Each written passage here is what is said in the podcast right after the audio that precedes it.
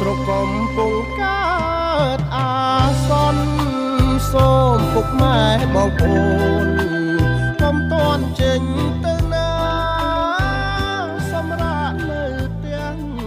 ឬនៅធ្វើការធម្មតាដើម្បីលោកអ្នកនាងស្ដាប់ជាទីមេត្រី បច្ចុប្បន្នជំងឺ Covid-19 នៅប្រទេសកម្ពុជាមិនទាន់មានសញ្ញាណណាមួយបញ្ជាក់ថានឹងមានការធូរស្បើយនៅឡើយទេ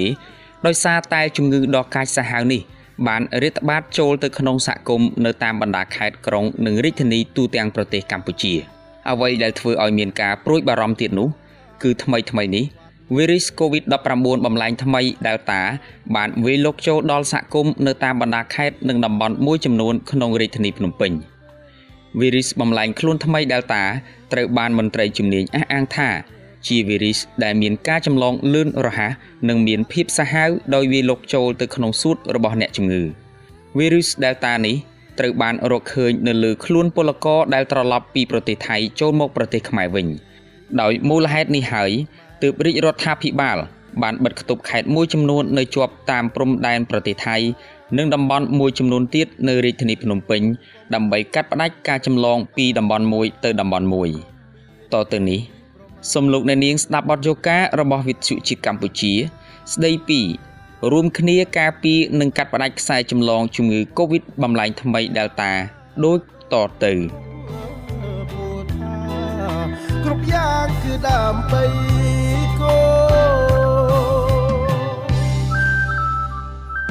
ដោយលោកនាងបានជ្រាបហើយថាបច្ចុប្បន្នការរួមគ្នាការពារនិងទប់ស្កាត់នៃការរីករាលដាលជំងឺ Covid-19 ជាទួនាទីអាទិភាពបំផុតសម្រាប់មនុស្សម្នាក់ម្នាក់ត្រូវគោរពនិងអនុវត្តឲ្យបានខ្ជាប់ខ្ជួនតាមវិធានសុខាភិបាលក្នុងការរស់នៅប្រចាំថ្ងៃនៅដើមខែសីហាកន្លងមកមន្ត្រីជំនាញបានរកឃើញអ្នកឆ្លងកូវីដបំលែងខ្លួនដែលតា ជាបន្តបន្ទាប់នៅតាមបណ្ដាខេត្តមួយចំនួននិងរាជធានីភ្នំពេញ។ លោកជំទាវវិជ្ជបណ្ឌិតអាវ៉ាន់ឌិនរដ្ឋលេខាធិការនិងជាអ្នកនាំពាក្យក្រសួងសុខាភិបាលបានមានប្រសាសន៍ឲ្យដឹងថាក្នុងរយៈពេលតែប៉ុន្មានថ្ងៃប៉ុណ្ណោះវីរុសបំលែងខ្លួនថ្មី Delta មិនបាននៅស្ងៀមនោះទេ គឺបានរីករាលដាលយ៉ាងលឿនរហ័សពីតំបន់មួយទៅតំបន់មួយរហូតមកដល់រាជធានីភ្នំពេញប្រភេទវីរុស Delta នេះ គឺវាសាហាវដោយសារនៅពេលដែលវាឆ្លងចូលទៅ គឺកំហាប់អ្វីដែល អ្នកវិទ្យាសាស្ត្រដែលគេសង្កេតឃើញគឺកំហាប់របស់វានឹងគឺខាប់ជាងប្រភេទផ្សេងផ្សេងមានន័យថានៅពេលដែលវាចូលទៅអាកំហាប់នឹងកកនៅនឹងគល់ច្រមុះយើងអញ្ចឹងបានគេធ្វើអីគេលូកយើងទៅក្នុងនៅពេលដែលធ្វើតេស្តឃើញគេយកសលៃនឹងលូកទៅក្នុងមិនមែនលូកនៅខាងក្រៅទេដោយសារវាចូលទៅវាទៅនៅខាងក្នុងនោះឯងហើយនៅពេលណាដែលវាធ្វើសកម្មភាព គឺវាធ្វើឲ្យវាយលុកទៅក្នុងសួតរបស់យើងបានលឿន ហើយវាទៅធ្វើឲ្យហៅថា secretion មានន័យថាអាទឹកឬមួយក៏ slash ធម្មតាយើងក្អកអីយើងតែងមាន slash មិនអញ្ចឹងដែរចាអ្នកខ្លះក្អកស្ងួតអ្នកខ្លះក្អកមកក៏មាន slash អីតិចតួចដែរចាអញ្ចឹងហ្នឹងវាជាប្រព័ន្ធធម្មជាតិរបស់យើងទេអញ្ចឹងនៅពេលដែល virus នឹងចូលទៅ វាទៅធ្វើឲ្យកំហាប់នៃទឹករំអិលនៅក្នុងសួតរបស់យើងនេះ វាទៅជាក្រាស់វាទៅជាស្អិតដូចជ័រកៅវី រុស Delta នេះមិនត្រឹមតែមានការចម្លងលឿនរហ័សនោះទេប៉ុន្តែវីរុសមួយនេះក៏បង្កគ្រោះថ្នាក់ធ្ងន់ធ្ងរដល់អ្នកជំងឺផងដែរប្រសិនបើព្យាបាលមិនទាន់ពេលវេលានោះដល់អញ្ចឹងពាក្យថាជាប់កៅយើងអាចយល់បានហើយគឺវាទៅបិទវាទៅបិទអារុនផ្លូវដង្ហើមពីព្រោះសួតយើងវាមានគេហៅ AVO អាថងទុយទុយទុយទុយទុយទុយសម្រាប់អីសម្រាប់ទទួលយកនៅអុកស៊ីហ្សែនដែលយើងដកចូល ហើយបញ្ចេញមកវិញនៅអ៊ូស្មានហ្គាសកាបូនិកចាអាជាតិពុលណាចាបញ្ចេញមកវិញចាអញ្ចឹងដកចូលអុកស៊ីហ្សែនចេញទៅវិញគឺ gas carbonic ចាអញ្ចឹងនៅពេលហ្នឹងនៅពេលដែល virus នឹងវាធ្វើប្រតិកម្មទៅ វាបញ្ចេញនៅឥទ្ធិពលរបស់វាទៅអញ្ចឹងវាធ្វើឲ្យអាទឹករំអិលនៅក្នុងសរីរាង្គយើងដែលមានជាធម្មជាតិនេះធ្វើឲ្យទៅជាខាប់ទៅជាស្អិតទៅជាដូចជ័រកៅនៅពេលដែលដូចជ័រកៅវាទៅបិទ នៅលើរុននឹងទាំងអស់អញ្ចឹងយើងទៅដកខ្យល់ព្រោះយើងដកដង្ហើមអត់រួចវាអត់មានអីដែលត្រូវដកដង្ហើមកើតកន្លែងនឹងឯងដែលជាមូលហេតុធ្វើឲ្យអ្នកជំងឺគាត់នឹងវិវត្តទៅរកសេចក្តីស្លាប់លឿនណាស់ចាលឿនមែនតើ ដើម្បីទប់ស្កាត់ការរីករាលដាលវីរុស COVID-19 បំលែងថ្មី Delta ប្រមុខរាជរដ្ឋាភិបាលបានសម្រេចធ្វើការបិទគប់បណ្ដាខេត្តមួយចំនួនដែលរស់នៅជាប់ព្រំដែនប្រទេសថៃរយៈពេល14ថ្ងៃដែលចាប់ពីថ្ងៃទី29ខែកក្កដាដល់ថ្ងៃទី12ខែសីហាទន្ទឹមនោះក៏មានការបិទគប់និងយកសំណាក់នៅតំបន់មួយចំនួនក្នុងរាជធានីភ្នំពេញផងដែរបន្ទាប់ពីរកឃើញមានអ្នកពាក់ព័ន្ធជាមួយអ្នកកើតជំងឺ Covid បំលែងថ្មី។ រីឯនៅខេត្តកោះកុងវិញដែលមានព្រំប្រទល់ជាប់ប្រទេសថៃហើយមានពលករត្រឡប់មកពីប្រទេសថៃចូលមកប្រទេសខ្មែរវិញជារៀងរាល់ថ្ងៃផងនោះត្រូវបានលោកជំទាវមិថុនាភូថងអភិបាលខេត្តមានប្រសាសន៍បញ្ជាក់ដូចនេះថាការដាក់ចេញរបស់ប្រមុខរាជរដ្ឋាភិបាលនិងធានការបិទទុកនេះគឺយើងខាងសម្រាប់រដ្ឋបាលខេត្តគឺយើងបានតំណែងតំណងទៅខាងភាគីថៃសូមឲ្យគាត់ជួយសម្រួលក្នុងរយៈពេល14ថ្ងៃនេះមិនឲ្យបញ្ជូនពលករមកវិញទេហើយរយៈពេលតាំងពីថ្ងៃ29ដល់ថ្ងៃនេះគឺយើងមិនទាន់មាន បងប្អូនយើងឆ្លងមកវិញទេចាពីមុននោះយើងមានការឆ្លងមកដោយសារយើងមិនទាន់មានការបិទទប់គឺគាត់មានការឆ្លងមកតែយើងខេតគឺមានសញ្ញាវិធានការការពីគឺយើងតាមរាជរដ្ឋាភិបាល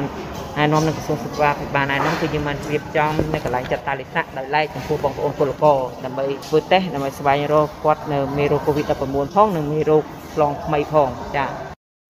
លោកជំទាវអភិបាលខេត្តបានបញ្ជាក់បន្ថែមទៀតថាចំពោះពលករដែលវិលត្រឡប់មកពីប្រទេសថៃចូលមកកម្ពុជាប្រសិនបើមានពលករមានផ្ទុកវីរុស COVID-19 នឹងដាក់ព្យាបាលដល់ពួកគាត់ដាច់ដោយឡែកពីអ្នកជំងឺក្នុងស្រុកក្នុង3កាពីទី1គឺដោយពាំងមឹងពីត្រូវធ្វើឲ្យជាច្បាំងលាងដៃអនាម័យ រយៈពេល72ឆ្នាំហើយដែលប្រទេសកម្ពុជាធ្វើការប្រយុទ្ធប្រឆាំងជំងឺ Covid-19 ដែលក្នុងនោះប្រជាពលរដ្ឋស្ទើរតែគ្រប់គ្រប់គ្នា បានរួមសហការគ្នាជាមួយនឹងអាជ្ញាធរគ្រប់ជាន់ថ្នាក់គោរពតាមវិធានសុខាភិបាលនិងរាល់ការណែនាំរបស់រាជរដ្ឋាភិបាលលោកស្រីហំសោភាជាប្រជាពលរដ្ឋរស់នៅរាជធានីភ្នំពេញបានលើកឡើងថា គ្រួសារលោកស្រីមិនដាច់ធ្វេសប្រហែសនោះទេ ក្នុងការអនុវត្តនៅវិធានការសុខាភិបាលហើយក៏បានទម្លាប់ខ្លួនរស់នៅតាមកន្លងថ្មីក្នុងបរិបទប្រយុទ្ធនឹងជំងឺ Covid-19 នេះផងដែរ។គាត់ឲ្យយើងការពារឲ្យបានច្រើនជាងមុនកាន់តែការពារទៀតចឹងណា ធ្វើមិនទេបើវាកើតអញ្ចឹងពួកយើងមានតែប្រឹងការពារទៅអស់លទ្ធភាពទៅបើយើងត្រូវទៅទៅធ្វើការចឹងចឹងណាការពារពាក់ម៉ាស់បាញ់អកលបាញ់អីចឹងណាទៅទៅចាំឲ្យវាបាត់អស់មិនបាត់ទេចាក់វ៉ាក់សាំងអស់ចឹងទៅប្រហែលនៅដោយប្រដាសាយចឹងដល់ពេលចាក់វ៉ាក់សាំងអស់នៅដោយប្រដាសាយទៅជាជំងឺប្រដាសាយបើថាឲ្យជាដាច់ចឹងនិយាយថាឲ្យបាត់អត់ណាដឹងការទេ វាមានអីមានតែរៀងរៀនរស់តាមកន្លងនឹងទៅប៉ុន្តែគាត់ថាយើងវាពិបាកធ្វើការងារអីផ្សេងផ្សេងវាមិនដូចប្រទេសយើងដែលអត់ធ្លាប់មានអីសោះអញ្ចឹងណាវាក៏ជំងឺកំពុងរៀបតបានអញ្ចឹងវាបញ្ហាទាំងអស់វាពិបាកទាំងអស់ពិបាកទាំងទៅធ្វើការងារពិបាកទាំងកូនទៅរៀនពិបាកសពជ្រុងជ្រោយអញ្ចឹងវាកើតហើយយូរយូរវាគង់បាត់ទៅវិញវាមិនដែលនៅប្អូសឡំរៃរហូតយូរឆ្នាំ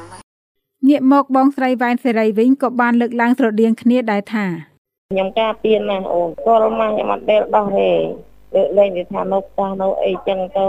ចង់និយាយរួមទៅគាត់យល់ដឹងច្រើនណាស់គាត់ចេះប្រើអកលគាត់ចេះប្រើម៉ាស់សម្រាប់ទៅផ្សារក៏គាត់ចាក់ដែរអត់ចាក់មិនកើតគឺថា បងប្អូនប្រជាពលរដ្ឋយើងទាំងអស់នៅទូទាំងប្រទេសកម្ពុជា នៅតែបន្តប្រុងប្រយ័ត្នខ្ពស់ក្នុងការអនុវត្តឲ្យបានខ្ជាប់ខ្ជួននៅវិធានការ3ការពារនិង3កុំហើយបានផ្លាស់ប្ដូរទម្លាប់រស់នៅរបស់ខ្លួនឲ្យស្របតាមពាក្យស្លោកដែលលើកឡើងថារៀនរស់នៅធម្មតាជាមួយ COVID-19 តាមបែបកន្លងថ្មីក្នុងបដិបត្តិប្រយុទ្ធប្រឆាំងនឹងជំងឺ COVID-19 សម្ដៅបង្ការគ្រប់គ្រងនិងកាត់ផ្តាច់នៅខ្សែចម្លងវីរុស COVID-19 ជាពិសេសពពួកប្រភេទបំលែងថ្មីនេះលោកជំទាវវិជ្ជបណ្ឌិតអាវ៉ាន់ឌិនរដ្ឋលេខាធិការនិងជាអ្នកនាំពាក្យក្រសួងសុខាភិបាលបានឲ្យដឹងថាទោះបីជាវីរុសបំលែងថ្មី Delta មានលទ្ធភាពឆ្លងលឿនទៅកាន់បុគ្គលផ្សេងទៀតក៏ពិតមែន ប៉ុន្តែសភាពនៃការចម្លងក៏មិនខុសពីវីរុសប្រភេទផ្សេងផ្សេងនោះឡើយព្រោះគ្រប់ប្រភេទវីរុស COVID-19 ទាំងអស់គឺឆ្លងតាមដំណក់ទឹកមាត់ដែលខ្ទាតចេញពីមាត់អ្នកដែលផ្ទុកវីរុសនេះមិនមែនឆ្លងតាមខ្យល់អាកាសនោះទេលោកជំទាវបញ្ជាក់ថាដំណក់ទឹកមាត់តូចៗដែលធ្លាក់ចេញពីមាត់អ្នកផ្ទុក COVID នោះ អាចខ្ទាតទៅមនុស្សមួយទៀតក្នុងចម្ងាយប្រមាណ1ម៉ែត្រនោះលទ្ធភាពរបស់វីរុសនេះនឹងអាចចម្លងទៅមនុស្សផ្សេងទៀតបានយ៉ាងលឿនពិសេសពពួកបំលែងថ្មី Delta នេះតែម្ដង។គឺនៅពេលដែលបុគ្គលនោះគាត់ផ្ទុកនៅវីរុសហ្នឹងនៅពេលដែលគាត់និយាយចេញមកគឺដំណក់ទឹកមាត់តូចៗហ្នឹងវាខ្ទាតចេញមកអញ្ចឹងបើសិនបើយើងនៅពី1ម៉ែត្រកន្លះទៅវាវាផុតហើយម្យ៉ាងវិញទៀតអ្វីដែលគេរកឃើញជាបណ្ដាបណ្ដាទៀតនេះ នៅពេលដែលដំណក់ទឹកមាត់នឹងគេ particle មានន័យថាអាដំណក់ទឹកមាត់ដែលរៀងធំធំវាធ្លាក់ទៅលើផ្ទៃប៉ុន្តែអាដំណក់ទឹកមាត់ទូចទូចមែនតើដែលយើងមើលអត់ឃើញអាហ្នឹងវាអាចនៅក្នុងលំហមិនមែននៅក្នុងខ្យល់ទេវានៅក្នុងលំហដែលដោយសារវាស្រាលវាមិនធ្លាក់ទៅក្រោមភ្លាមអញ្ចឹងវានៅក្នុងលំហមួយរយៈឯការដែលវានៅក្នុងលំហនេះឯងដែលគេតែងនិយាយថាឲ្យយើងបើកឲ្យមានខ្យល់ចេញចូល ពីព្រោះតែកាលណាយើងបិទចិត្តទៅអាហ្នឹងវានៅវល់វល់វល់វល់នៅក្នុងកតុំហ្នឹងហើយអញ្ចឹងបើសិនបើយើងដើរចូលទៅយើងអត់ពាក់ម៉ាស់ទៀតអញ្ចឹងយើងដកដង្ហើមទៅមានន័យថាយើងស្រូបយកហ្នឹងហើយជាតិជួវិញបាត់ត្រូវការមហូបស្បៀងជាតិជួវិញបាត់លោកអ្នកនាងស្ដាប់ជាទីមេត្រី ពលរដ្ឋគ្រប់រូបត្រូវរួមគ្នាទទួលខុសត្រូវខ្ពស់ក្នុងការការពារការចម្លងវីរុស COVID-19 ទោះជាប្រភេទណាក៏ដោយត្រូវតែអនុវត្តវិធានសុខាភិបាល3ការពារនិង3កុំដើម្បីសុខភាពខ្លួនសុខភាពគ្រួសារនិងសហគមន៍មានសុវត្ថិភាពហើយបើគ្មានការចាំបាច់សូមកុំធ្វើដំណើរចល័តពីកន្លែងមួយទៅកន្លែងមួយទៀត យោងតាមអង្គការសុខភាពពិភពលោកបានได้ដឹងថាទោះបីអ្នកចាក់វ៉ាក់សាំងបង្ការជំងឺឆ្លង COVID-19 ហើយក៏ដោយក៏នៅតែអាចឆ្លង COVID-19 បំលែងខ្លួនថ្មីប្រភេទ Delta បានដែរហើយអ្នកឆ្លងវីរុសនេះភាគច្រើនគឺមិនមានអាការៈឬរោគសញ្ញាអ្វីឡើយ។ ក្រុមមនុស្សដែលមានហានិភ័យនៅក្នុងការឆ្លងខ្លាំងនោះគឺកុមារអ្នកដែលមិនទាន់បានចាក់វ៉ាក់សាំងបង្ការ COVID-19 មនុស្សដែលមានអាយុលើសពី50ឆ្នាំនិងមនុស្សដែលបានចាក់វ៉ាក់សាំងតែមួយដូសសុទ្ធសឹងតែជាក្រុមមនុស្សដែលមានហានិភ័យខ្ពស់ងាយនឹងឆ្លងវីរុសបំលែងខ្លួនថ្មី Delta ដែលឆ្លងពីមនុស្សម្នាក់ទៅម្នាក់ត្រឹមតែ15វិនាទីប៉ុណ្ណោះ។ អាការៈនៃវីរុសបំលែងខ្លួនថ្មី Delta គឺស្រដៀងទៅនឹងជំងឺផ្ដាសាយឬជួនកាលមិនបញ្ចេញរោគសញ្ញានោះទេ ដែលជាហេតុធ្វើឲ្យអ្នកជំងឺមិនដឹងខ្លួនថាឆ្លងហើយមានឱកាសច្រើនក្នុងការចម្លងទៅកាន់សមាជិកគ្រួសារនិងអ្នកដទៃទៀតផងដែរ។ យ៉ាងណាមិញសម្រាប់អ្នកនៅវ័យក្មេងមានកម្លាំងពេញនិងបានចាក់វ៉ាក់សាំងរួចរាល់មិនសូវជាប្រឈមនឹងហានិភ័យខ្ពស់ប៉ុន្មានទេប៉ុន្តែក្រុមមនុស្សដែលគេព្រួយបារម្ភបំផុតនោះគឺក្មេងដែលមិនទាន់ទទួលបានការចាក់វ៉ាក់សាំងនិងក្រុមមនុស្សចាស់ឬអ្នកមានជំងឺរ៉ាំរ៉ៃដែលមិនអាចចាក់វ៉ាក់សាំងបានពលគឺពួកគាត់ត្រូវប្រឈមនឹងហានិភ័យខ្ពស់ប្រសិនបើឆ្លងវីរុស COVID-19 បំលែងខ្លួនថ្មីនេះនាងខ្ញុំសនសវិនវិទ្យុជាតិកម្ពុជា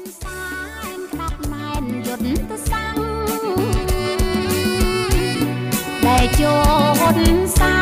នដាប់ណែនយុទ្ធសា